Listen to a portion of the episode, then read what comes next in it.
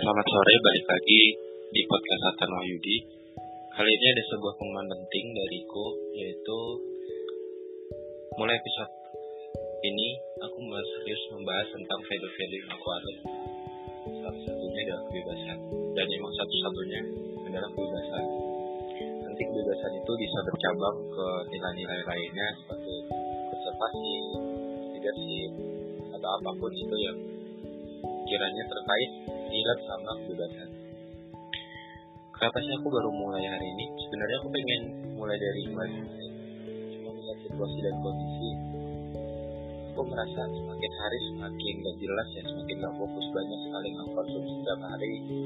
Aku tergoda dengan apa-apa, banyak sekali podcast, video, tulisan yang aku konsumsi itu mempengaruhi pikiranku sampai aku pusing sendiri aku sampai oke aku akan berhenti konsumsi itu.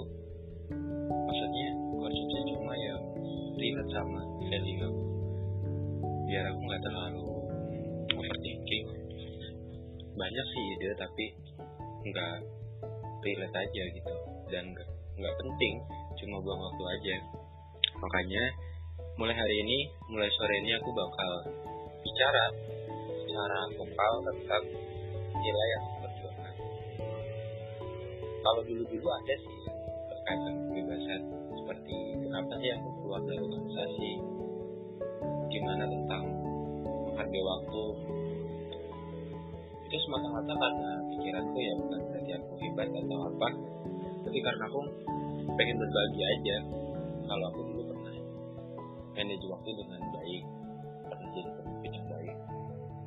Meskipun ada aja sih kesalahan-kesalahan yang pernah aku lakukan di sini aku mau berbagi lebih banyak tentang value yang aku bangun.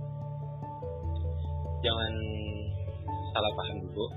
Ini nggak menyinggung siapa pun apalagi pemerintah. Ini tentang diriku.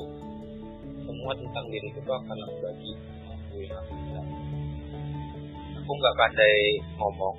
Aku nggak pandai bicara. Aku pengen berbagi aja.